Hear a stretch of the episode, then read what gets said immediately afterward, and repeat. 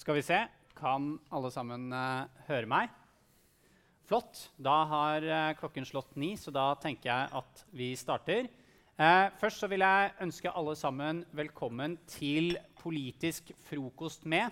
Dette er jo da det møtekonseptet som Klassekampen, Nasjonen og Litteraturhuset i Trondheim kjører sammen hvor vi fram mot valget eh, intervjuer eh, sentrale, og i dette tilfellet da også lokal politiker eh, fra eh, eh, alle, de, ja, alle partiene. Eh, vi må vurdere om vi skal intervjue de der bompengelista etter hvert. Men de, er, de, har ikke vært på planen foreløpig.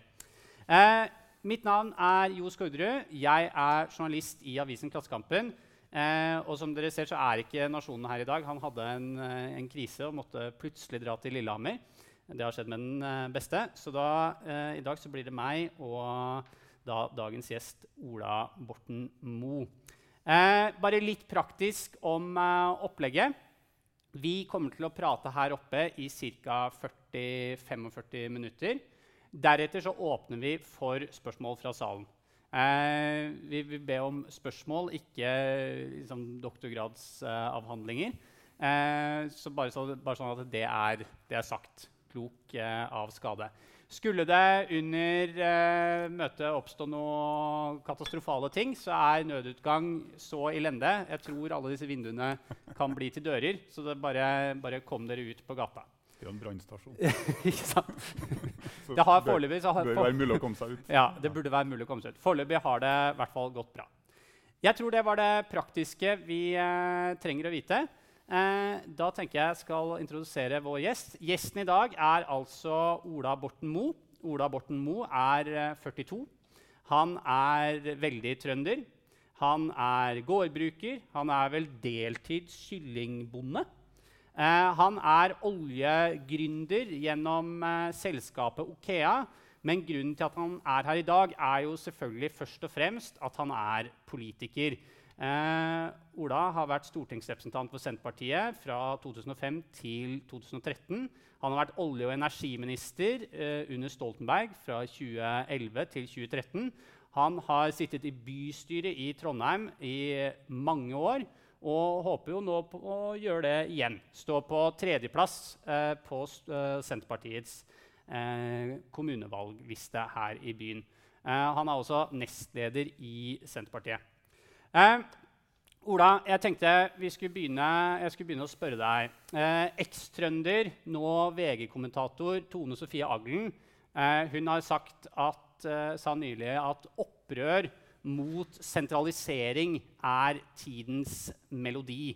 Eh, og rundt om i landet så ser vi jo eh, veldig mange ja, Vi kan kalle det opprør, da. Altså at folk er misfornøyd med om det er at eh, høyskolen eller da universitetene deres skal legge ned. Vi ser bunadsgerilja. Vi ser folk som er forbanna med politireform. Hva er det hva er det som skjer der uh, ute i, i, landet? Jeg tror det er et enkelt svar og så er det et litt lengre svar. Jeg tror Det enkle svaret er jo at under den uh, sittende regjeringa så skjer det jo veldig veldig mye på nær sagt uh, alle fronter. og uansett hva som er spørsmålet, så er det jo sentralisering av tjenestetilbud som virker å være svaret. så hvis, Med mindre du bor i Trondheim, eller Oslo eller Bergen, så opplever jo store deler av landet at eh, helt grunnleggende deler av det offentlige tjenestetilbudet eh, legges ned, flyttes, sentraliseres. Og det er en villa politikk fra flertallet. Det er lagt ned 129, eller 126 tjenestested for politiet de siste årene. Det, klart, det merkes. Det betyr at det blir lenger til, til politiet. Uh, man ser det innenfor helsevesenet, du ser det innenfor justissektoren, du ser det på trafikkstasjonene, altså der man drar for å kjøre opp og for å uh, få registrert bilene sine. Uh, og summen av dette her, det tror jeg skaper et helt korrekt inntrykk av at staten egentlig er i ferd med å trekke seg tilbake fra landdistriktene i Norge og inn til de, inn til de større befolkningssentrene. så det tror jeg er, det er en helt sånn konkret opplevd virkelighet. Eh, der den historien som fortelles eh, hele tida, er at dette er nødvendig for å klare å ivareta et kvalitativt godt tjenestetilbud. Det tror vi er feil. Og I tillegg så tror jeg du har en, eh, et, noen ting som handler om at de historiene, altså virk, den virkeligheten som oppleves rundt forbi i Norge, det er en virkelighet som veldig sjelden blir presentert. Uh, Klassekampen og Nasjonen er jo av dem som av og til er dyktige til faktisk å ha det perspektivet. Men Adresseavisa, hovedstadspressen, NRK eh, forteller veldig sjelden den sida av historien. Så det er også, tror jeg, mange som med rette opplever at uh, deres virkelighet, deres verden, deres perspektiv aldri er det bildet som presenteres ja. nasjonalt. Ok, Men, men det, hvis vi starter med det siste først da. Okay, folk får ikke fortalt, liksom, får ikke presentert sin virkelighet i media. og sånt. Og det, er selvfølgelig, det er selvfølgelig surt. Eller i men, debatten, da. Eller i ja. debatten. Men det er jo ikke noe nytt, tenker jeg. Altså, det, det er jo ikke noe det er jo ikke sånn at uh, avisene pleide å farte rundt i land og strand for å, for å, se hvordan folk hadde det, og så nå har trukket seg tilbake til byene. Folk, altså hvis det eh, stemmer, så har jo ikke folks fortellinger blitt fortalt på kjempelenge. Så hvorfor skal det liksom gi seg uttrykk nå? da? Ja, jeg er ikke helt sikker på at det er sånn, jeg er ikke helt sikker på at dette ikke relativt sett er et, et nyere fenomen.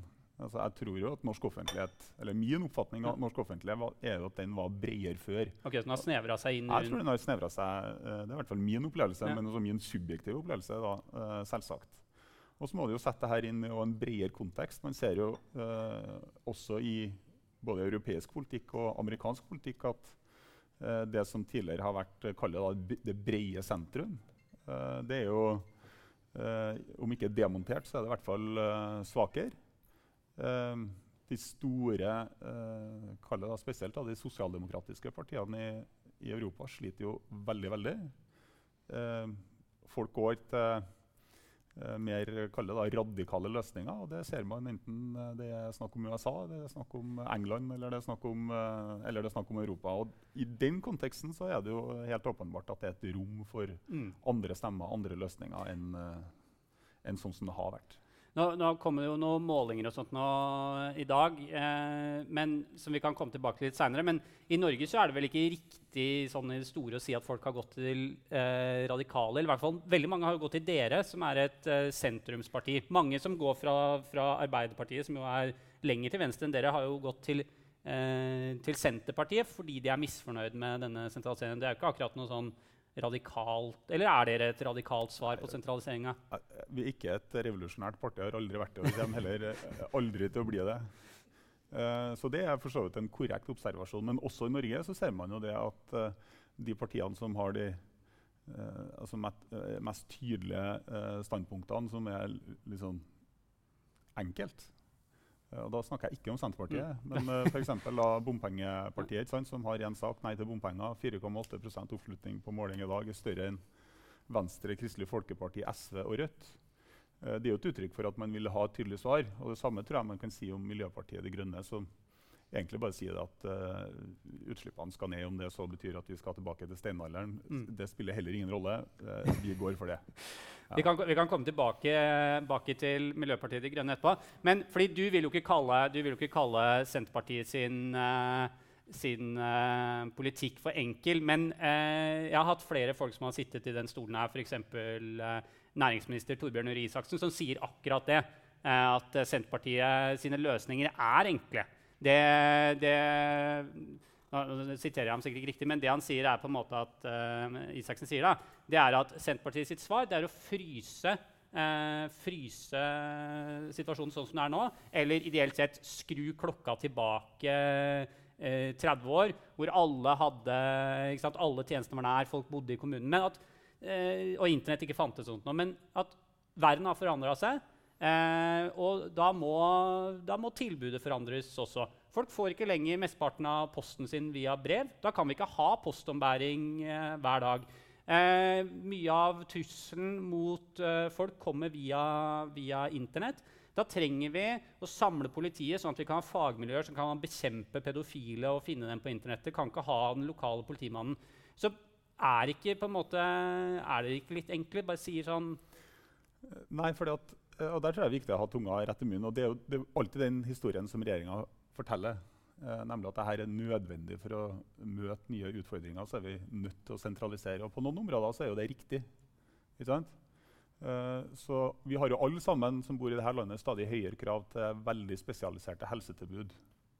Og det er riktig det, å uh, samle de mest spesialiserte helsetilbudene på Rikshospitalet eller på St. Olavs uh, litt lenger opp i byen her. Det skulle bare mangle. Det er et tilbud for en hel region, av og til for et helt land. Uh, men så er ikke det svaret på alt, så vi må sentralisere det vi må for å ha spisse og gode fagmiljø. Og så må vi desentralisere og bevare det som vi kan. Og Der mener jeg regjeringa trår veldig feil, fordi at man drar alt sammen over den, over den samme kammen. Og det å for si at vi er for å bevare en desentralisert politistruktur, det er jo ikke det samme som å si at man ikke ønsker å bekjempe pedofili. Nei, men sånn framstilles det. da. Altså sånn, på den ene siden så Det blir framstilt som at enten så kan du bekjempe pedofile, eller så kan du ha politi hver uh, Ja, det, altså. og det er etter mitt skjønn helt meningsløst. Men eh, det, eh, en av de perspektivene som man går fullstendig glipp av innenfor politireformen, vil jeg mene, det er jo at Selvsagt skal vi ha gode fagmiljø på uh, enten sedelighetsforbrytelser eller hva det nå ellers skulle være. Men det at du har tilstedeværelse av ordensmakt over hele landet, det er jo òg utrolig viktig for å plukke opp hva det er som faktisk skjer rundt forbi i lokalsamfunnene våre. Det har en viktig forebyggende effekt, og det er jo en av mine kritikker uh, til regjeringa på politi og justis. Istedenfor å tenke forebyggende, Tidligere så var det jo sånn at Enhver lensmann hadde jo avtale med kommuner, men med alle kommunene. Var inne i alle skolene, visste hva det var som skjedde, og drev arbeid for å sørge for at kriminalitet ikke skjedde.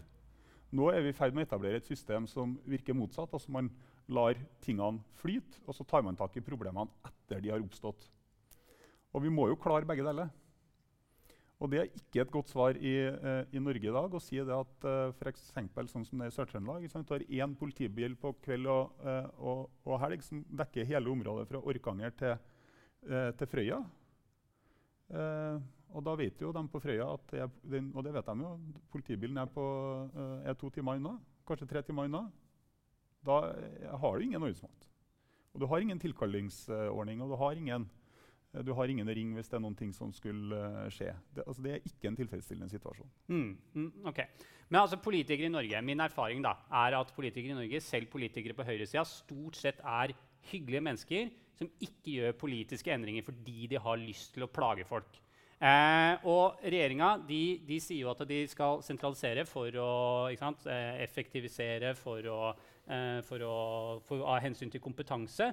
Men de, de, gjør det også fordi de mener at det er økonomisk fornuftig Eh, at det vil bli for dyrt å ha postombæring til alle plasser. Det vil bli for dyrt hvis du skal ha liksom, fullverdig tilbud på ha et sykehus på hvert et nes. da. Altså Ikke at vi har det, men, det er jo ingen men, som... Nei, nei, men, okay, men nå, nå flåser jeg litt. Men poenget er at de, altså, disse desentraliserte tilbudene de vil bli for dyre. Så spørsmålet er, er det ikke sånn, Med en eldrebølge som kommer med stø, store byrder på velferdsstaten, er ikke, må vi ikke gi dem litt rett i at uh, vi må kutte inn på det her for å få råd til å ha tilbud i framtida? Nei, jeg tror, jeg tror, snarere tvert imot. og hvis man ser på hva det er som faktisk har skjedd For det er jo ikke bare det at man har sentralisert, men man har jo innført en slags uh, steroidutgave av New Public Management. Uh, så det som de facto har skjedd, det er jo at du får mindre mennesker i de fleste sektorene som jobber direkte opp, ut mot folk og med, med direkte tjenesteyting.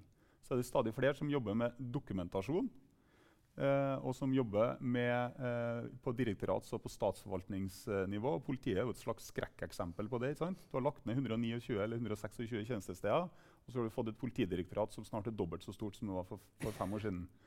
Det sitter i Oslo, har ingen operative eh, oppgaver. Sitter bare og sender brev ut til politidistriktene der de sjekker hva de har gjort og ikke. Har du gjort nok fartskontroller? Har du tatt nok promillekontroller? følger du opp alle de Altså målstyring? ja målstyring. Mm. Og, det, og det, det, begynner egentlig på en teori der du, der du sier at vi ikke skal ha tillit til at politifolk eller sykepleiere eller lærere eh, faktisk er dem som best vet hva som foregår i sitt miljø, og at de har som utgangspunkt at de ønsker det beste eh, for sin jobb og for dem de skal eh, være til for. Men at de trenger et stort apparat som kontrollerer at det til enhver tid skjer. Og det her tar veldig mye tid det tar veldig mye ressurser, og her tror jeg vi trenger som samfunn å tenke veldig annerledes. Og For meg er det et kjempeparadoks at i et land som sier, altså som det norske samfunnet vi sier det at den, kanskje det viktigste vi har i Norge, det er det vi, altså vi er et tillitssamfunn. Vi tror på hverandre, vi tror på strukturene våre. Eh, vi tror til og med på politikerne våre. Kanskje ikke så mye på media lenger. jeg vet ikke hvordan tilliten til oss er for tida, men Er, du dårligere enn politikere? faktisk? men, men så importerer vi da et uh, styringssystem som er uh, utvikla i USA, og som helt åpenbart tar utgangspunkt i et samfunn og en samfunnsstruktur der den tillitsbiten uh, ikke er til stede. Så vi er nødt til å tilpasse dette her til, uh, til, vårt, til, vårt, samfunn og til vårt utgangspunkt. Og der mener jeg regjeringa har tatt grunnleggende feil i analysen sin. Og så til dette her med uh, sentralisere eller spesialisere da, det du må. Men spesialisering trenger heller ikke nødvendigvis å bety at alt sammen er nødt til å ligge i de mm. store byene. Så hvis du ser på f.eks. Helse Midt-Norge, så har man lagt fedmetilbudet sitt på, til Namsos. Det er ingen grunn til at de ikke skal bli eh, best i Midt-Norge eller best i landet på, på, det. Og det er en type aktivitet som du planlegger over tid. Det er ikke sånn oppstår ikke sant? Trenger ikke å ligge her. Eh, Rehabiliteringa har ligget på, på, på, Røros. Ingen grunn til at den type ting ikke kan fortsette. Eh, ta universitetssektoren. altså Trondheim er jo superheldige. Vi har jo eh, landets fremste universitet. Eh, vi slipper den problemstillinga her i byen, men nå skal det også legges ned studiesteder nordover. Og jeg tenker Det er veldig rart at den høyskolestrukturen som vi etablerte på 60- og 70-tallet, som skulle sørge for at du hadde lokal eller regional utdanning av lærere, sykepleiere, ingeniører, det er ikke lenger mulig fordi at universitetet sier at vi er nødt til å, Nord universitet sier at de er nødt til å produsere da, Eh, eh, forskning og stipendiater, eh, doktoranter, på internasjonalt nivå. Vel, altså, det Nord universitet eller høyskolestrukturen var ikke skapt for å lage Eh, for å lage nobelprisvinnere. Det var skapt for å, eh, for å eh, dekke et regionalt behov for at den type utdanninger skulle være på plass. Det er selvsagt mulig fremdeles i dag. Jo da, men hvis, du, hvis målet ditt var å lage lærere eller sykepleiere, så skulle du kanskje ikke blitt universitet? Da det, det er en annen diskusjon, og det er jeg i og for seg enig med deg ja, okay. da, Men da er, vi, da er, vi, jo enige i det, da. Um, ok, Men mange av, disse, mange av disse, for meg da, så er mange av disse Eh, opprørene du ser nå, f.eks. sånn som bunadsgeriljaen som slåss mot nedleggelsen av helsetilbud på Nordmøre. Altså, sånne ting, Det er åpenbare eh, antisentraliseringsopprør. Eh, eh, Men så har du jo det eh, opprøret som får mest eh, oppmerksomhet nå. og som nå begynner å se gir seg utslag på, på meningsmålinger F.eks. sånn som i dag, hvor bompengelista eh, er over sperregrensa på meningsmålingene, altså for over 4% i nasjonal oppslutning. Det er jo bompengeopprøret. Hvordan, hvordan, skal vi forstå dette bompengeopprøret? Kan det tolkes inn i en by-land eh, sentraliserings... Nei. Eh, nei. Det er jo ikke et sentraliseringsopprør, det. Nei, det tror jeg ikke. Men der, der, tror jeg du har uh, sånn brekkpunkteffekter. Uh, for vi har jo over tid vært vant med bompenger uh, i Norge. Og det har jo frem til nå egentlig tjent formålet sitt ganske godt. Og der syns jeg Trondheim er et godt eksempel. Vi har levd med det her i en generasjon. Uh, nå ble den siste bymiljøavtalen vedtatt nesten enstemmig i bystyret. Ikke noe stor Ikke noe stort. Men, så, men konteksten der det er jo at i Trondheim så kommer jo ikke nivået på bompengene til å bli vesentlig endra. Det skal fortsette om lag sånn nå. Og jeg tror at folk ser at i stort så, man, så, er det et rimelig forhold mellom det som betales og det man faktisk får igjen. Men det som skjer i tillegg nå, det er jo at eh, det settes i gang et vell av store infrastrukturprosjekt. Svært kostbare. Skal realiseres på kort tid, og de skal finansieres over eh, bompengene. Så også i Trøndelag så kommer vi til å oppleve at det koster 400 kroner å kjøre fra Trondheim til Steinkjer og 500 kroner å kjøre til Oppdal, 500 kroner å kjøre til Frøya. Og når den samleeffekten her er på plass, så kommer det til å smelle her òg, tror jeg. Fordi at summen blir for stor. altså Enkeltprosjektene er for så vidt greie nok. Summen av alle enkeltprosjekt blir i overkant av det man kan akseptere. Og der det har gått uh, skikkelig over styr nå, som i Bergen, der, der det har blitt det største partiet, de ligger litt foran oss i den mm. tror jeg, for at Vestlandet eh, har, har, allerede den situasjonen som vi kommer til å få i Trøndelag. Mm. Og eh, Årsaken til dette det er jo det at eh, det har vært flertall eh, både lokalt og sentralt om at det viktigste det er å få satt fart på mm. veiutbygginga. Bompenger må til, så har man aksepterte det. Og så er det ingen som tar den overordna eh, prioriteringa, tror jeg. da. Men i stad når vi, vi, møttes for en kaffe før møtet, så, så sutra jeg litt om at uh, de hadde lagt foreldrekaffen uh, i skolen til dattera mi. De hadde lagt den til klokka, klokka halv tre istedenfor klokka fire når jeg er ferdig på jobb. Og så, så sutra jeg om dette et par minutter, og så sa du til meg men sånn, jo, men sånn, helt ærlig, dette er jo et, er jo et ilandsproblem. Er det ikke det? det er foreldrekaffen, liksom. Og er det ikke litt sånn med disse bompengegreiene òg, at vi er et latterlig rikt land? Men i forhold til lønna vår så har vi veldig billig bensin. Og vi, og vi, får bygd ut flotte veier, og så må vi betale litt penger for å bruke de veiene. Altså, er ikke det Burde du ikke på en måte gjøre det? Er ikke det her liksom sutring og ilandsproblematikk? Ja, på eh, overordna nivå så er det mulig å argumentere eh, for det.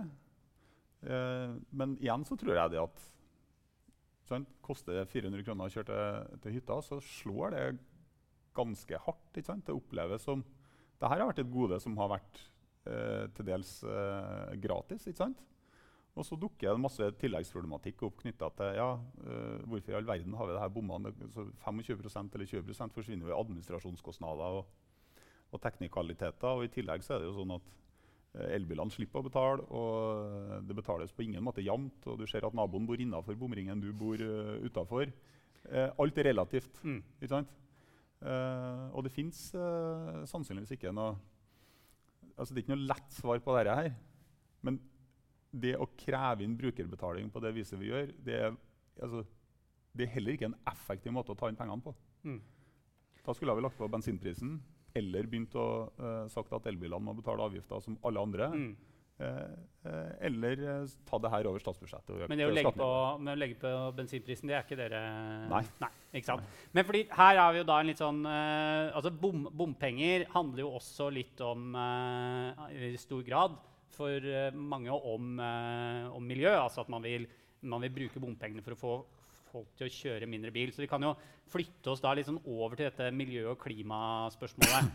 Fordi at eh, ofte når det kommer sånne ulike løsninger, sånn ah, bompenger eller vi må skru opp bensinprisen sånn at folk kjører mindre, og sånt, så, så, er eh, Senterpartiet raskt ute med å være imot. Og, eh, jeg merker meg, jeg var på landsmøtet til Venstre, og det Venstre sin unnskyldning for at de kan sitte i regjering med Frp, det er at de mener at Senterpartiet er enda verre enn Fremskrittspartiet i klimaspørsmål. Så det er, det er deres eh, det, er det repet de holder seg til. Um, så da, la oss snakke litt om det. Altså, dere, har dere i det hele tatt noe mål, plan, for å løse klima, klimaproblemene?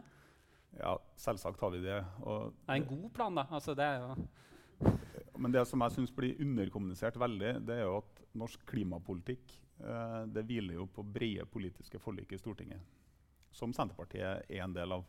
Det er, eh, og det er det samme som energipolitikken vår og for så vidt kaller det pensjonsforliket, handlingsregelen. Uh, og der er det ikke sånn at Venstre har en grunnleggende annerledes politikk enn uh, en Senterpartiet. Det er jo Fremskrittspartiet som har hatt tradisjon for å stå utafor disse forlikene. Uh, Senterpartiet har vært innafor disse forlikene. Tar du eh, bensinpris og dieselpris, så innrømmer jo regjeringa selv eh, at eh, det at man øker avgiftene, det handler ikke om at du skal få en klimaeffekt, for det, den er nesten ikke regnbar. Altså Om dieselen koster 14,30 eller 14,75 eh, eller 15 kroner, har ingenting å si for hvor mye diesel eller hvor mye folk faktisk kjører. Og Da sitter du igjen med at dette er en ren fiskal avgift. Det vil si, altså, du legger på en avgift for å trekke penger inn i statskassa som du skal bruke til gode formål. Det som har vært vårt svar, det er jo at vi må roe ned litt på avgiftene, og så må vi heller bruke skattesystemet som er progressivt. Og Det betyr at de som har mest, betaler mest. Både relativt og absolutt. Mm. Uh, og denne regjeringa har jo ført en politikk der man egentlig omfordeler fra topp til bunn. Eller motsatt. Altså Byrdene blir tatt av dem som har mest, og så blir de lagt på dem som har minst. Uh, og det uh, som uh, Skei Grande og regjeringa kaller for et grønt skatteskifte, det betyr jo i realiteten lettelser i, i de progressive skattene i formuesskatten. Og så betyr det at du legger på flate forbruksavgifter som slår likt for alle sammen. Uh, uansett hvor mye eller hvor lite du tjener. Det er vi svært kritiske til. Mm, okay. Og så er det én ting til som skiller oss fra uh,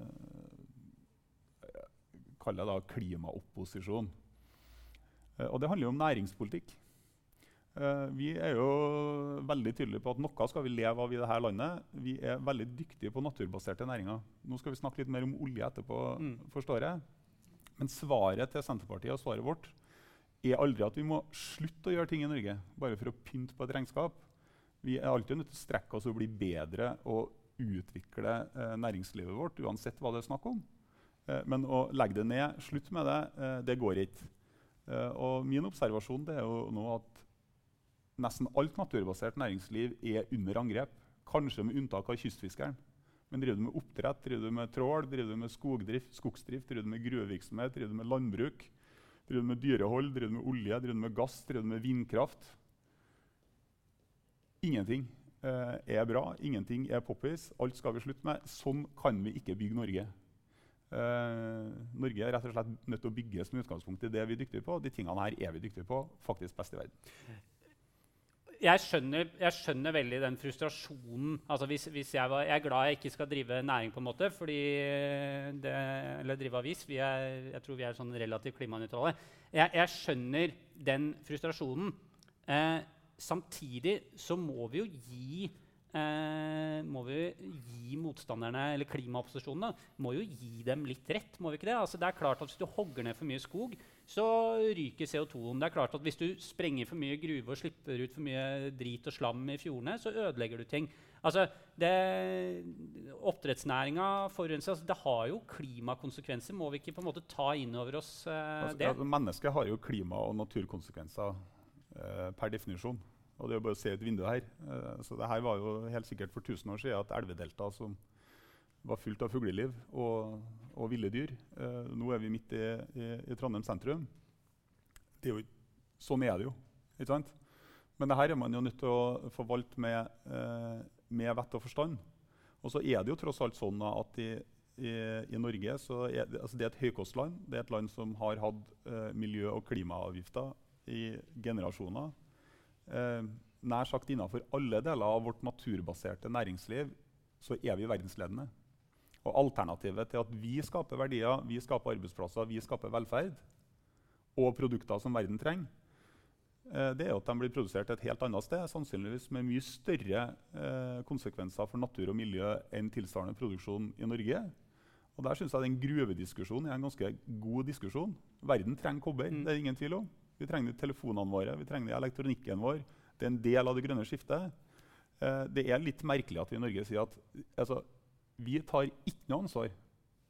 Og vi har ikke tenkt å utnytte den muligheten eh, som dette representerer for eh, verdiskaping og, og, velferd. Det får de holde på med i eh, Kongo eller, uh, skulle, eller, i Russland. og så har vi på en måte fått det ut av syne, ut av sinn. Ikke vårt problem. Men, men, men altså, verden trenger kobber, og verden trenger, men verden trenger også at vi kutter de globale klimautslippene med 50 innen 2030, som er 11 år til. Bør ikke Norge som et høykostland som, måte, som, som har ressursene, mulighetene, og sånn å gå foran som et slags sånn lysende eksempel og vise jo, verden du, at du, du, kan gjøre det? Men det mener jeg jo også at vi gjør. Og det er det andre som irriterer meg med klimadebatten. Det blir fremstilt som at dette er noe som har vært diskutert i 30 år. Ingenting er gjort ingen resultat å vise til. Det er jo den fortellinga vi får presentert. ikke sant? Uh, jeg ville sagt uh, snarere tvert imot. Massevis er gjort, og det er masse resultat. Og bare tenk på to grunnleggende ting. For det første så tror jeg det er umulig å løse klimaproblemet uten at du samtidig sikrer uh, bærekraftig sosial og økonomisk utvikling. Kineserne kommer aldri til å gi fra seg det faktum at de nå er i ferd med å komme seg ut av fattigdom og inn i, i, i middel inntekt. Sammen med India store deler av Asia, eh, Afrika og Sør-Amerika. Eh, og det er jo et mål i seg sjøl. Altså, hvis du ser på bærekraftsindikatorene til FN, så er det jo fantastisk utvikling. Barnedødeligheten går ned, gjennomsnittlig levealder går opp, tilgang på velferd, helse, utdanning, elektrisitet. Fantastisk utvikling uh, de siste 50 årene. Henger tett sammen med tilgang på bl.a. energi. Så det kommer, altså det kommer åpenbart til å fortsette. Eh, men vi i Norge kan jo ikke, eh, vi løser jo ikke dette med at vi slutter eh, eh, med vår aktivitet. Og det vi faktisk har klart, det er jo at i, siden 1990 så har vi blitt 1,1 million flere mennesker.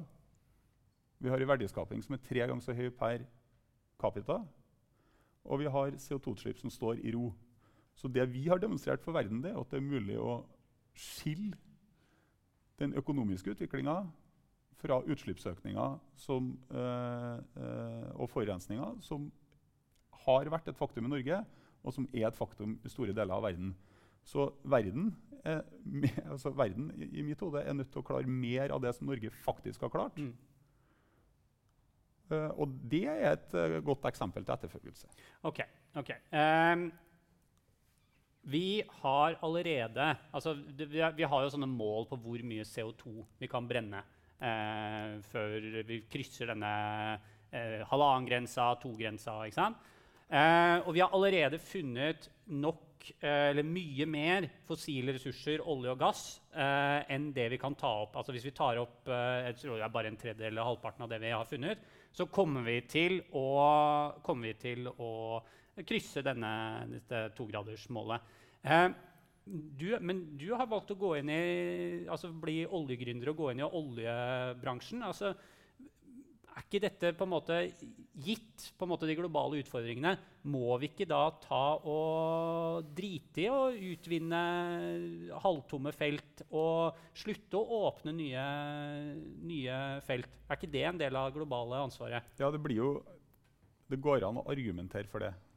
Men det blir jo litt som å skape fred i verden gjennom å legge ned Kongsberg våpenfabrikk. Uh, og det er jo ikke sånn, det, ikke sånn dette her, uh, fungerer. ikke i Norge, ikke i Europa, ikke i verden. Og så må vi gjerne innbille oss at det er sånn, mm. men det er det ikke. Et paradoks som jeg har tenkt litt på. vi har jo en ganske stor industri i Norge som produserer aluminium og silisium. Tungindustrien vår. Og Går du 30 år tilbake i tid, så var det synderen. Det var noe som jeg tror til og med Lars Bonheim sa at det her skal vi bare slutte med. Uh, her, industrien hører fortida til, ikke en del av framtidsperspektivet i Norge.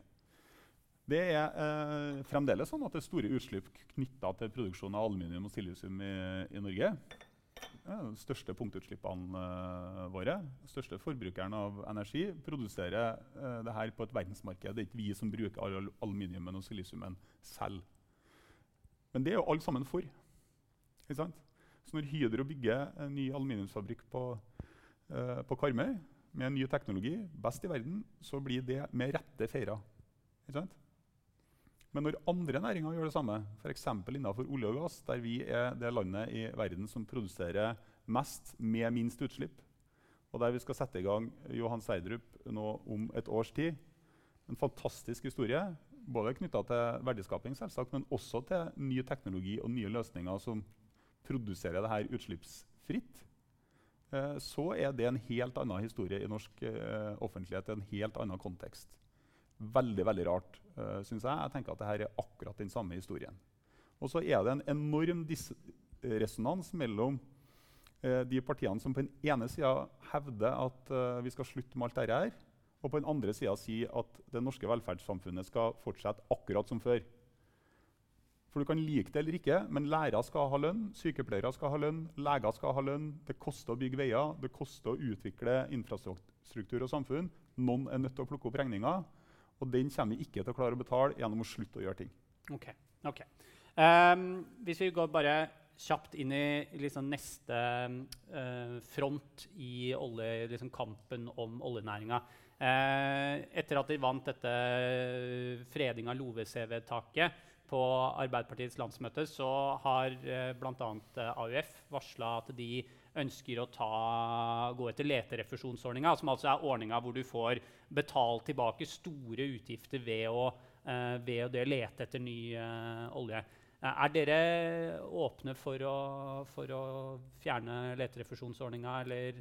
Altså, leterefusjonsordninga er egentlig at du får, du får tilbake Skatte. Du får tilbake skatten i, ja. for, ja. brukte, for, det du brukte for å lete, ja. på, lete, etter olje. Og skatten innenfor olje og gass er jo som dere vet uh, veldig veldig høy. Mm. Så hvis eh, Klassekampen går med en milliard i overskudd, så er det 23 skatt. Eh, går Okea med en milliard i overskudd, så er det 78% skatt. Eh, så det er jo hyggelig for staten. Mm. Men det er større sjanse for at Okea går med en milliard i overskudd enn at vi gjør det. Sannsynligvis. Ja. hadde jo vært morsomt. det hadde vært veldig morsomt. Men men uh, uh, det her er jo ei ordning som har vært en, altså en, enorm suksess for Norge i den forstand at det har ført til, uh, til mye mer leting. Og det har Mm. ført til at vi har funnet bedre ressursutnytting.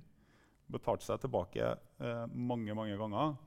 Eh, og i, eh, for oss er ikke det aktuell politikk å se på rammevi- altså den type grunnleggende rammevilkår for, for den viktigste næringa vår. Ok, det er greit. Uh, vi skal videre litt til valg. Uh, men først uh, du, er jo en Du framstår som en veldig sånn næringsoptimistisk type. Glad i liksom, at ting bygges og utvinnes og sånt noe. Men, men da lurer jeg bare på, før vi går videre Nå er det jo gitt en drøss med konsesjoner i hele Trøndelag til storstilt utbygging av eh, vindmøller.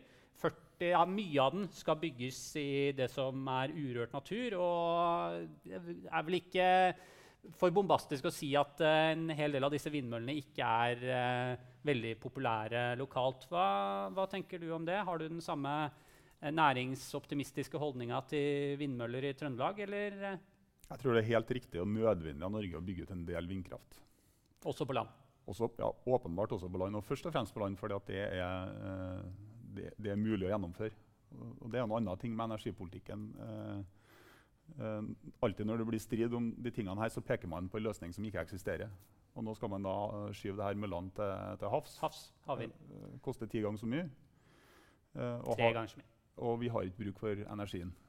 Så hvorfor skal vi gjøre det, tenker jeg. Men hvis du går tilbake i tid, da, og det her var jo konsesjoner som jeg i stor grad ga eh, den gangen jeg var olje- og energiminister. Så var jo eh, settingen i Trøndelag det var jo det at vi hadde dårlig forsyningssikkerhet. Eh, det var strømpriser som gikk veldig opp og ned. Eh, så går man eh, 15-20 år tilbake i tid, så var jo ikke fokuset at det ble bygd ut vindmøller, men da var jo det at eh, det var vanskelig å drive gartneri, det var vanskelig å drive papirfabrikk på Skogn, det var vanskelig å få til næringsutvikling i Trøndelag rett og slett for at vi hadde ikke energien tilgjengelig. Og det var summen av at det var for lite produksjon, og det var for dårlig overføringsnett. Eh, med den vindkraftutbygginga som nå skjer på Fosen så får man, eh, og, og på Frøya eh, og Snillfjord, så får du egentlig begge deler. Det er en ny sentrallinje som kommer. altså ny stor kraftlinje som går fra Surnadal til Namsos. Bitte landet sammen. Det er en forutsetning for å elektrifisere samfunnet vårt sånn som alle sammen har en ambisjon om. Skal du ha strøm til elbilene og datamaskinene og hele den digitale økonomien, skjønner, så heia, trenger heia her. vindmøller, kort oppsummert, på de, altså disse konsesjonene. Så er det viktig å si at det at man var for vindmøller eh, den gangen og mener at de prosjektene som nå blir realisert, er korrekt. Og la meg også bare si en ting. Det ble ikke gitt en eneste konsesjon til en kommune som ikke ville ha det. Alle kommunene som har fått vindmøller, har aktivt ønska de vindmøllene. Så eh, kommer man jo selvsagt til det punktet at man realiserer prosjektene. Du får stemnings, eh, altså Stemninga endrer seg litt. Grann. Mye negativitet eh, rundt det nå. Jeg tror at det er viktig å være forutsigbar på det viset at de konsesjonene som er gitt, de står fast. Altså, Mm. du kan ikke begynne å trekke tilbake eh, byggetillatelser. Eh, like lite som når, når du bygger huset ditt og har søkt kommunen om å få lov, og så er du halvferdig med å sette opp eh, stua di, så kommer kommunen og sier at nei, det her kan du bare det her får ikke lov til. Altså, det er åpenbart urimelig. Sånn kan du Mm. drive et samfunn. Så det er det ene. Men det andre er jo at eh, all politikk må jo tilpasses de behovene vi enhver tid har. Til, vi til enhver tid Mm. Og den satsinga på ny fornybar energi som vi satte i gang eh, når vi satt i regjering, den, har, den er jo nå i stor grad Mm. realisert. Og vi har jo gått fra dårlig forsyningssikkerhet og dårlig nett til veldig godt nett. Veldig god forsyningssikkerhet, overskudd på eh, elmarkedene våre. Nå er det ikke behov for å bygge ned mer norsk okay. natur. tenker jeg. Så eh, svaret nå er annerledes enn det var for Ja, 15 år siden. Fordi vi har lyktes. Ja. Eh, og bare sånn, sånn, Den mest omstridte av alle vindmølleparker det er jo, eller jeg, jeg får kjeft hver gang jeg kaller det vindmølleparker. Eh, vindmølleindustrianlegg, da. Eh, er jo den på Frøya. mener du at den, Der er det jo gitt en lovlig konsesjon, selv om De hadde jo, de hadde jo, på Frøya hadde de jo folkeavstemning. Ja. Ja, Som sa ja. som Nå har de hatt ja, en ny folkeavstemning som sa nei. Og de hadde kakefeiring når Ja. de fikk konsesjon. Ja, og nå har de tatt en ny folkeavstemning, sagt nei og vil ikke ha den. Det er viktig å ha riktig standpunkt på riktig tidspunkt. Ok. Ja. Eh, ok, Vi går videre til, eh, til vår siste bolk, som er, eh, er valg. Eh, vi kan starte lokalt. da, fordi du har jo, du, du gjør litt sånn, du har jo gått, eh, du har vært på storting, du har vært minister. Og nå gjør du, har du lyst til å gjøre comeback i, i lokalpolitikken. rett og slett. Hva har du og Senterpartiet å tilby, tilby byen, holdt jeg på å si? Nei, Jeg er veldig glad i byen min. Ja, det er jo- mm. det, er jo, det er jo derfor man ønsker å sitte i bystyret. Og det tror jeg gjelder alle som stiller til valg i Trondheim. Det er et engasjement for, for byen og lokalsamfunnene som Trondheim har. Og så er det jo, eh, det er jo mye som skjer i, i Trondheim. Så jeg håper jo at jeg kommer inn. Det er jo, det, er jo dessverre ikke meg sjøl som avgjør, det er jo velgerne som gjør. Um, så det blir spennende. Mm. Men hva, hva, altså, hva skal dere på en måte, hva, Hvorfor skal dere inn? Hva er det dere har å, å komme med? Er det, noe dere kommer til å, er det noen problemer dere mener at vi skal løse her i byen? Som vi trenger dere til å løse? til å løse. Ja. Nei, det som tradisjonelt har vært uh, Senterpartiets oppgave, eh, det er å passe litt på pengene, sånn at det ikke går over styr. Eh, det har vi lyktes godt med. eh, vil jeg si.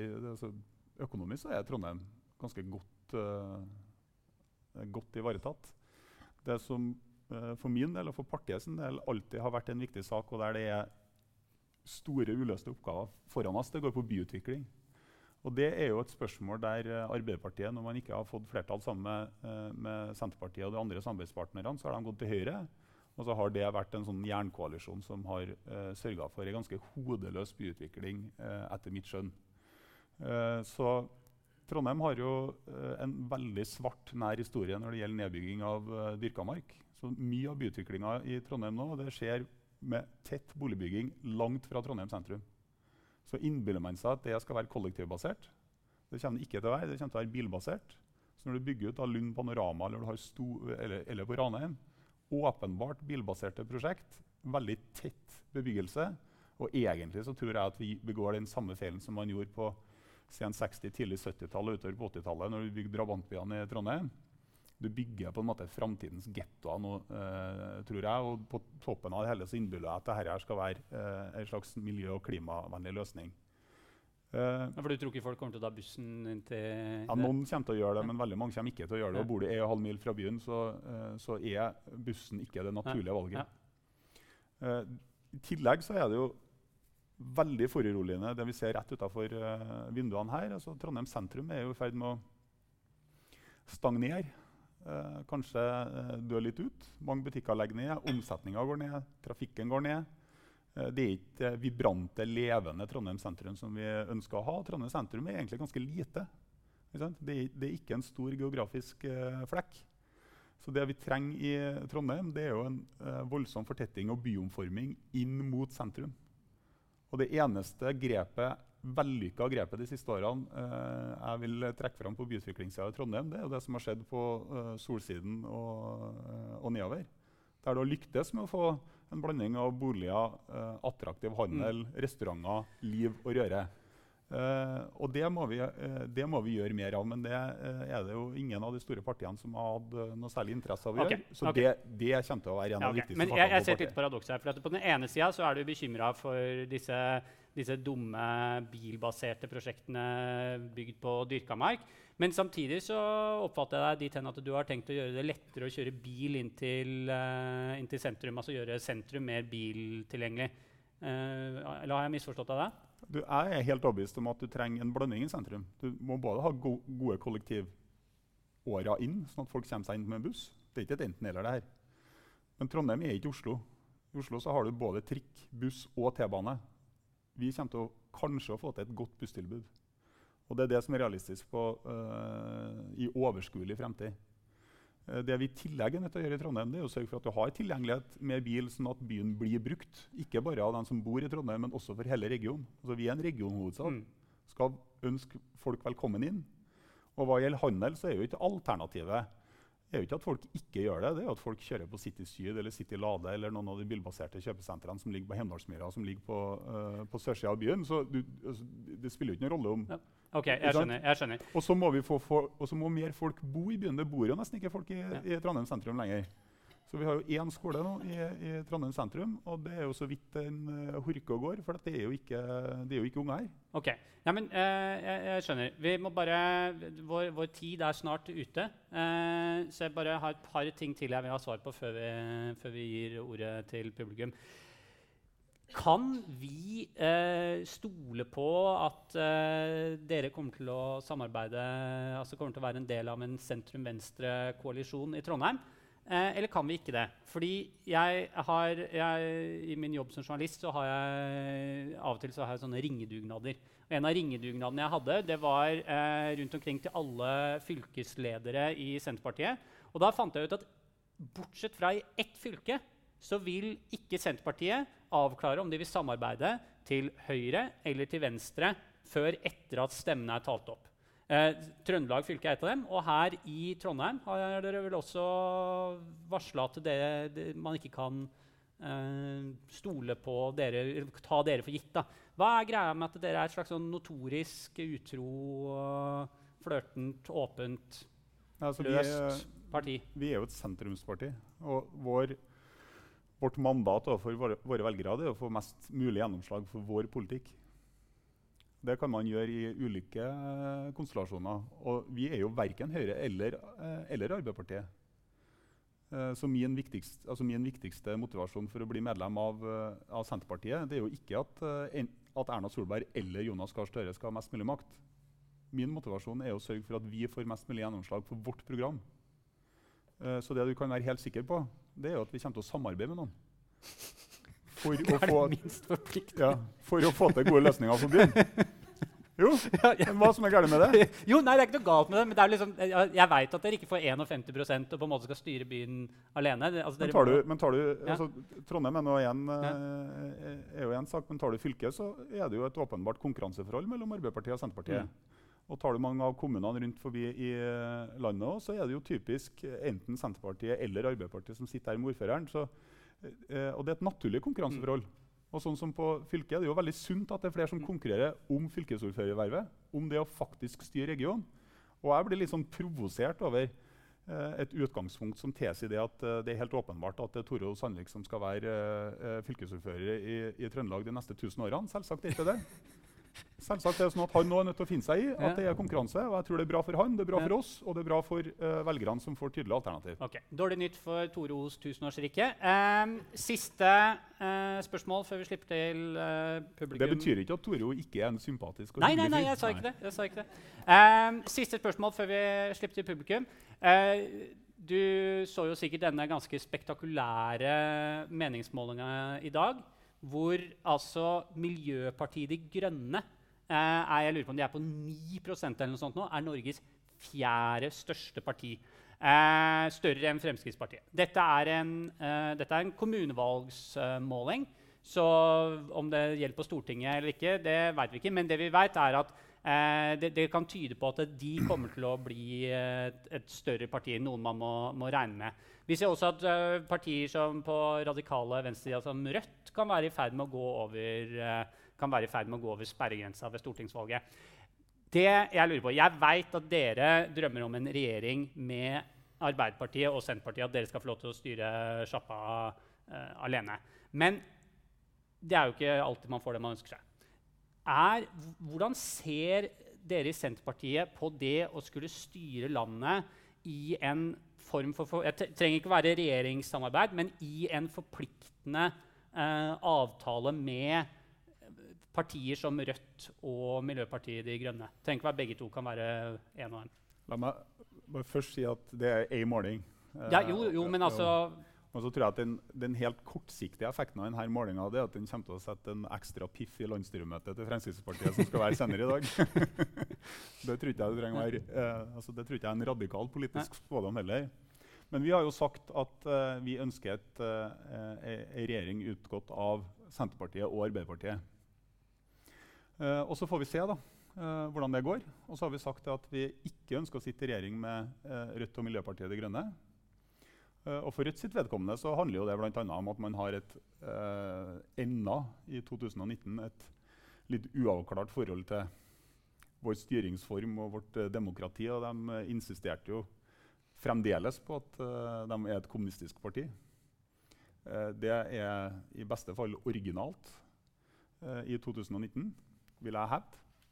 Når det gjelder Miljøpartiet De Grønne, så har jo de i stort en god del eh, svært radikale løsninger som ligger langt fra de løsningene som eh, Senterpartiet bærer til torg. Så det er jo en slags sånn ærlighet tenker jeg, i kommunikasjonen opp mot uh, velgerne. At den politiske avstanden er så stor uh, at vi ser ikke på det som uh, naturlig rett og slett innenfor en, uh, innenfor en konstellasjon. F.eks. innenfor en del av de politikkområdene vi har vært gjennom nå. Men det å samarbeide fra sak til sak i Stortinget, det er jo eh, Senterpartiet åpen for å gjøre med alle partier. Mm. Eh, og det må man gjøre Uh, for å få landet fremover. Ja, jeg tenker Vi fikk et ganske ok svar. Dere er ikke så veldig gira på noe forpliktende samarbeid med verken Rødt eller, eh, eller De Grønne. Nei. nei. Yes, da var det avklart. Da uh, lurer jeg på om uh, vi har noen uh, spørsmål fra salen. Vi har to spørsmål fra salen. Da kan vi starte med det. Er det noen andre spørsmål fra salen? Det er bare å tegne seg med en gang. Der. Da starter vi med, starter vi med deg, så Ja. deg, og så deg. Um, det, det var en liten oppklaring bare til noe du sa om uh, havkraft. Uh, fordi at du sa først at vi trenger eh, vindkraft og, på land. Men når du kom til, til å ha det på havet, så i tillegg til at det var dyrt, så sa du også at vi trenger ikke den energien. Så da ble jeg litt sånn i stuss, og det ville jeg veldig gjerne ha oppklart. Og så lurer jeg på en annen ting. og det er, Jeg har hørt bare, så jeg vet ikke noen ting om det her i det hele tatt, men, men jeg har hørt at, eh, at man kunne oppnå mye med å oppgradere de vannkraftverkene vi har. Mm. Og det hører jeg aldri en politiker si ett ord om, så det lurer jeg på om det foregår noe. Tusen takk for eh, gode innledende spørsmål. Du kan bare svare rett på det.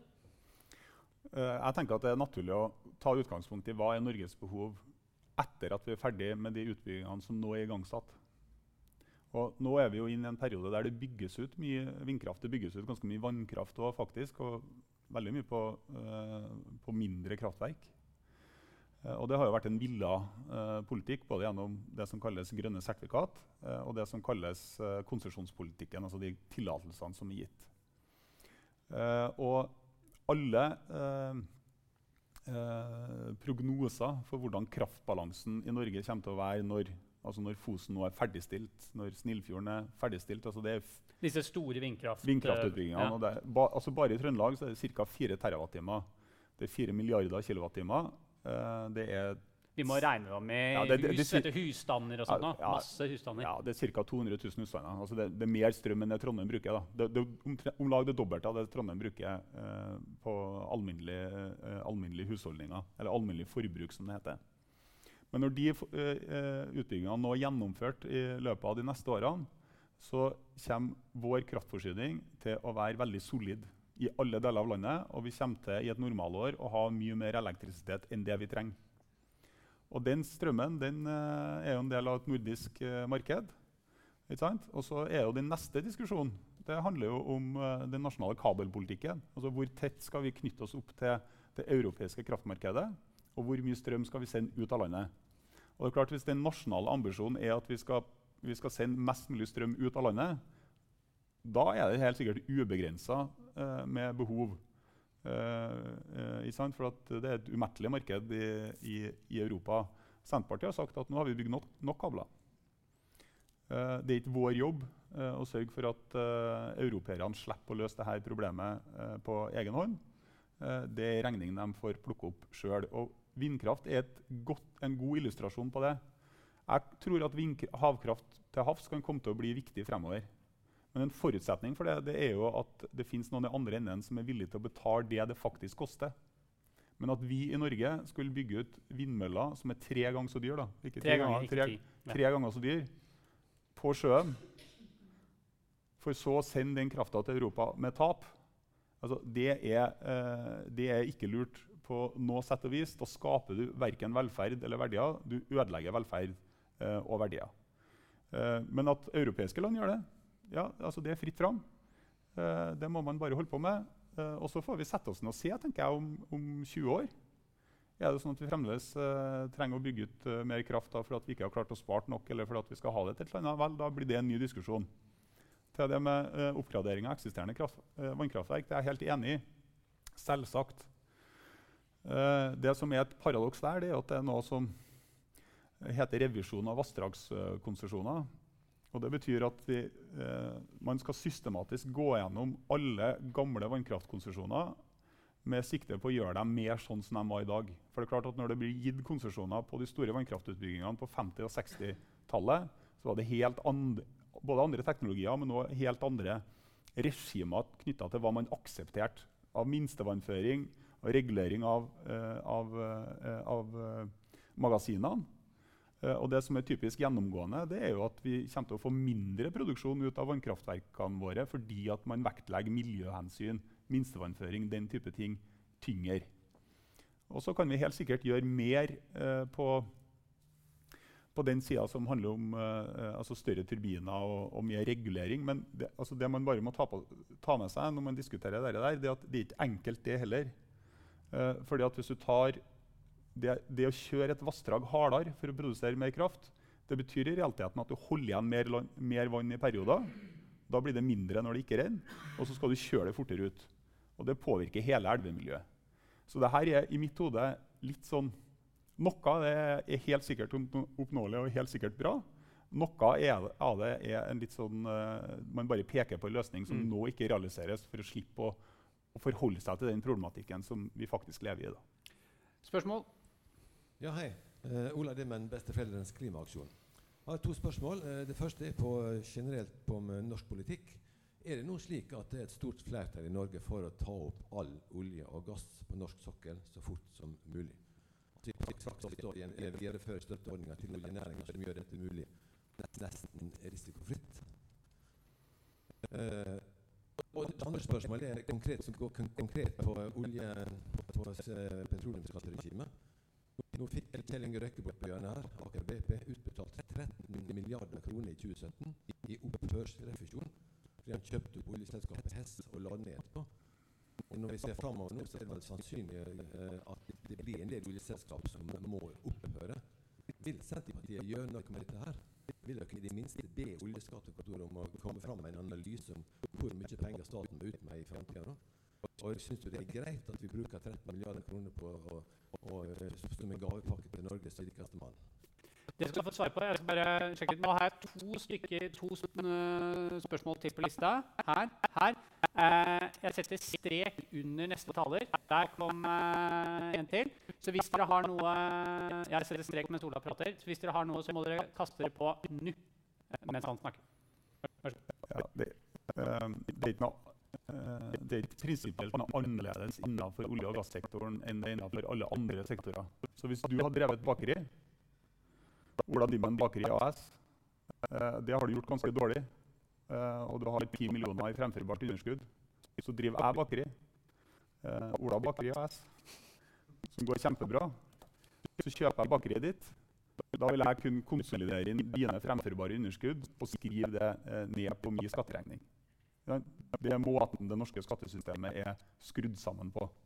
Eh, det kan gjøre innenfor olje og gass, det kan gjøre innenfor alle andre deler av eh, norsk næringsliv. Det er en helt en naturlig måte å gjøre det på. Vi kommer ikke til å eh, ønske endringer i de grunnleggende rammevilkårene for norsk olje- og gassnæring. Som en sånn generell kommentar så noe av det som Hva skal jeg si det, ska, altså det skapes et inntrykk av at inntrykk av at uh, olje- og gassnæringa i Norge er sterkt subsidiert. Uh, og Det syns jeg er veldig rart, for det er ingen tvil om hvordan pengestrømmene går knytta til den verdiskapinga eller den, til den aktiviteten som skjer på norsk kontinentalsokkel.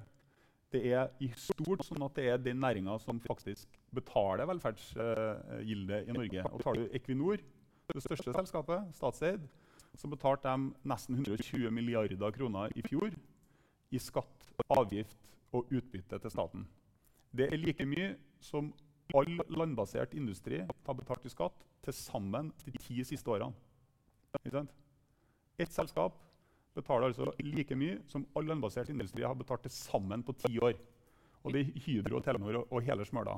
Så det å, eh, det å på en måte påstå at norsk olje- og gassnæring er, eh, er subsidiert, det er veldig rart. Det er en grunn til at oljefondet er 9000 milliarder kroner, og det er ikke fordi man har subsidiert den næringa. Da har jeg ikke sett noen flere spørsmål. Da er det kvinnen på første rad her. Hei, eh, Stig Sandvik, eh, adresse. Jeg bare I forbindelse med vindkraft eh, så var det jo før sett på eh, som en del av eh, Det er jo også sett på som en del av løsninga, men det var i hvert fall en mye mer positiv stemning rundt det. Eh, hva mener du har skjedd fra du og andre beslutningstakere ga dem konsesjonene og, og fram til nå, og hvordan forklarer du det stemningsskiftet? Nei, jeg tror det er naturlig og ganske lett å svare på. Uh, For det første så er det ikke sånn at, uh, at det altså Alle andre kommuner enn Frøya spesielt tilfelle. ikke sant? Men ser du på uh, Snillfjorden, alt det som skjer oppover på Fosen, så, så er jo ikke bildet veldig annerledes enn det var. Eh, og Dette skaper jo i tillegg masse aktivitet, masse skatteinntekter. Uh, sykehjemsplasser. Du bare se på Roan kommune, hva de har klart å realisert uh, av offentlig tjenestetilbud og samfunnsbygging som en ko direkte konsekvens av utbyggingene. Der, der har dette her fremdeles stor støtte og stor legitimitet. Så det er ikke et helt riktig bilde å si at det nå er entydig negativt. Det andre det er at norsk virkelighet er i ferd med å endre seg. Så fra Trøndelag som ikke hadde elektrisitet, og der vi var redd for næringsutviklinga vår, og der folk ikke var interessert i å betale 14 kroner kilowattimen, som da var, var høydepunktet, eller lavpunktet, alt etter som du eh, definerer det. Eh, og der man var, eh, og, og der liksom en grunnleggende samfunnsinfrastruktur var litt i spill, så er jo det problemet løst. Og det betyr jo at man, da går man videre til neste. Og så tror jeg Det siste det er at selvsagt så er det sånn at etter hvert som disse prosjektene blir realisert, og man ser hvordan dette her faktisk blir seende ut, eh, så får man et helt annet inntrykk av det. Eh, og det gjør nok at uh, stemninga endrer seg og at folk spør. altså vi, så stiller jo samme spørsmål som meg, så trenger vi å gjøre mer av dette her fremover. Jeg tenker at det gjør Vi jo, altså vi har jo langt på vei løst problemet, så det er ikke noe vits i å, å, å kjøre på med masse ekstra vindkraftproduksjoner. Det må jo være bruk for det. Eh, og så tror jeg det at vindkraftindustrien i seg selv har vært og utbyggingsselskapene har vært eh, ukloke i måten de har kommunisert på. For det er jo sendt inn eh, for det første veldig mange søknader, og NVE har synliggjort områder som nesten gir et slags uttrykk av at nå skal vi pepre hele landet eh, med vindmøller. Eh, det er det aldri noen som har ment. Eh, men summen av dette her, det tror jeg gjør at det er fornuftig å ta litt pause. Da. Utmerket. Bakerste rad her. Hei, Arvid Rosseland. Er den på nå? Ja, du er på. Um, jeg syns du slipper veldig unna, lett unna klimaspørsmålene. De henger jo der. Og Storbritannia, og Tyskland, og Belgia og Frankrike har ikke tenkt å kjøpe gass av deg etter 2030 omtrent, og 2050 absolutt ikke. Men du satser på det. Ehm, eh, det er penger nå, og det er vel det du skal hente ut. Men eh, det perspektivet som klimakrisa eller klimatrusselen hele tiden har eh, i seg, og som også henger over deg, hvorfor ignorerer du det? Vær så god. Nei, jeg ignorerer ikke det. Og ser du på Jeg tror for det første at det er helt urealistisk å se for seg at, uh, at Europa ikke kommer til å ha bruk for norsk gass, nettopp fordi det er en viktig del av Europas løsning på å oppfylle kli klimamålene sine. Og ta Storbritannia som konkret eksempel.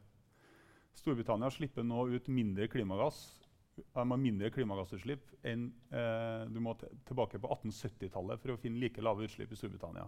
Hvorfor det? Jo, det er fordi de har fasa ut kull. Hva de, bruker de istedenfor? De bruker norsk gass. Ormen Lange alene står for 25% av det britiske gassforbruket. Det har direkte ført til et utslippskutt på 250 millioner tonn CO2 i året i Storbritannia. Det er fem ganger norske utslipp. Så må man spørre seg selv, og det er jo, det er jo noe som du kan svare meg på, Altså, hva ville Storbritannia gjort hvis man ikke hadde den norske gassen? Ville Han man- kan få lov til å svare på det. Jeg, kan godt, jeg kan godt akseptere at eh, alle overganger har smerter i seg. Og det, Det er jo ikke smerte, det er jo en god nyhet at eh, utslippene er redusert med 250 millioner tonn. Men du investerer helt nytt med et perspektiv på 30 år for å eh, Som om den klimatrusselen ikke eksisterer. At vi skal ha en overgang basert på det vi har gjort. OK, det. Men skal vi virkelig gå din vei, så går det jo galt. Nei, det der er jo faktisk feil. Og, eh, hvis du ser på IPCC sin rapport knytta til 1,5-gradersmålet i 2050, da er det nedjustert fra, fra 2 grader til 1,5 grad. Det er jo uhyre optimistisk. Jeg tror det blir krevende for verden å nå 2-gradersmålet. Men 1,5-gradersmålet så er det fremdeles sånn at i 2050 så er 25% av verdens energiforbruk kommer fra olje og gass. Jo, jo jeg, jeg, har, eh, jeg har det her. Jo, og det betyr, og det betyr, og det betyr. Nei, men hør her, Det betyr i realiteten at jeg mener at den norske diskusjonen er litt merkelig. da. 25 i 2050 skal komme fra olje og gass innenfor 1,5-gradersmålet, innenfor IPCC sine tall. Og Da bør jo diskusjonen være hvordan skal man klare å produsere de 25% så effektivt, rent og med så lite utslipp som mulig. Og Det er jo ikke en diskusjon som uh, norsk miljøbevegelse er spesielt interessert i å ta. Det her er ikke en diskusjon som eh, vi blir ferdig med i dag. Men jeg kan love at den diskusjonen kommer til å gå videre i tiårene framover. Eh, siste spørsmål for i dag. Vær så god. Ole Oldervik heter jeg. Det er egentlig ikke et spørsmål, men det er en kommentar til eh, pris på offshore vind. Ja. Vi må skille mellom vindmøller som står på bunn, på grunt vann, og vindmøller som flyter. Vind, ja, sorry. Ja. I Europa er det stort sett vindmøller på grunt vann som er bygd ut. Eh, Equinor har bygd ut en vindmøllepark utenfor Skottland som er flytende. Eh, Norge har ikke noen store muligheter for å bygge vindmøller på grunt vann, for det er så dypt utenfor kysten vår. Eh, så tilbake til pris. Det, når du snakker om tre ganger prisen for vindmøller til havs, så er det bunnfast. Ja, det er bunnfast. Flytende er vel Flytende er såpass langt framme at vi ikke vet, uh, vet helt per, i- per i dag er flytende ti Ja. ganger. Ja, det, var, det er helt riktig. Selvfølgelig. Det var, eh, det var Da, da, festa på bånn. da har jeg et oppfølgingsspørsmål til deg. og det er at Hvis vi skal bygge, bygge havfaste vindmøller i Norge, som i realiteten er nødt til å skje i fjæresteinene våre, vil det bli mindre bråk av det enn å sette dem på land? Det er gitt at de folka som er, mange av de som er veldig mot landbasert vind, ønsker å ha havbasert, så kan man jo se at de vil jo i hvert fall ikke bli like forbanna. tenker jeg. Men er det havbasert når du har det stående i fjæra? Ja, men det, er jo ikke, det, det, er jo, det, det blir jo ikke stående i fjæra. Det er jo, du kan jo bygge ned til 60 meter eh, dyp. Altså, det er jo ikke sånn at du bare må sette det rett ut på stranda di. Du kan flytte det litt ut. Men det, det stemmer jo det at Norge ikke har superfortrinn når det kommer til å Altså, vi har ikke, vi har ikke veldig mye grunner, da. Så det vil, det vil jo antagelig være noen konflikter her òg, men da, folk bygger jo ikke husene sine ute på havet enn så lenge. Da vil du slippe den eh, biten av da. Ja. Og med det sier vi takk til dagens eh, gjest, Ola Borten Moe. Eh, og ja, takk, eh, takk til deg, Ola.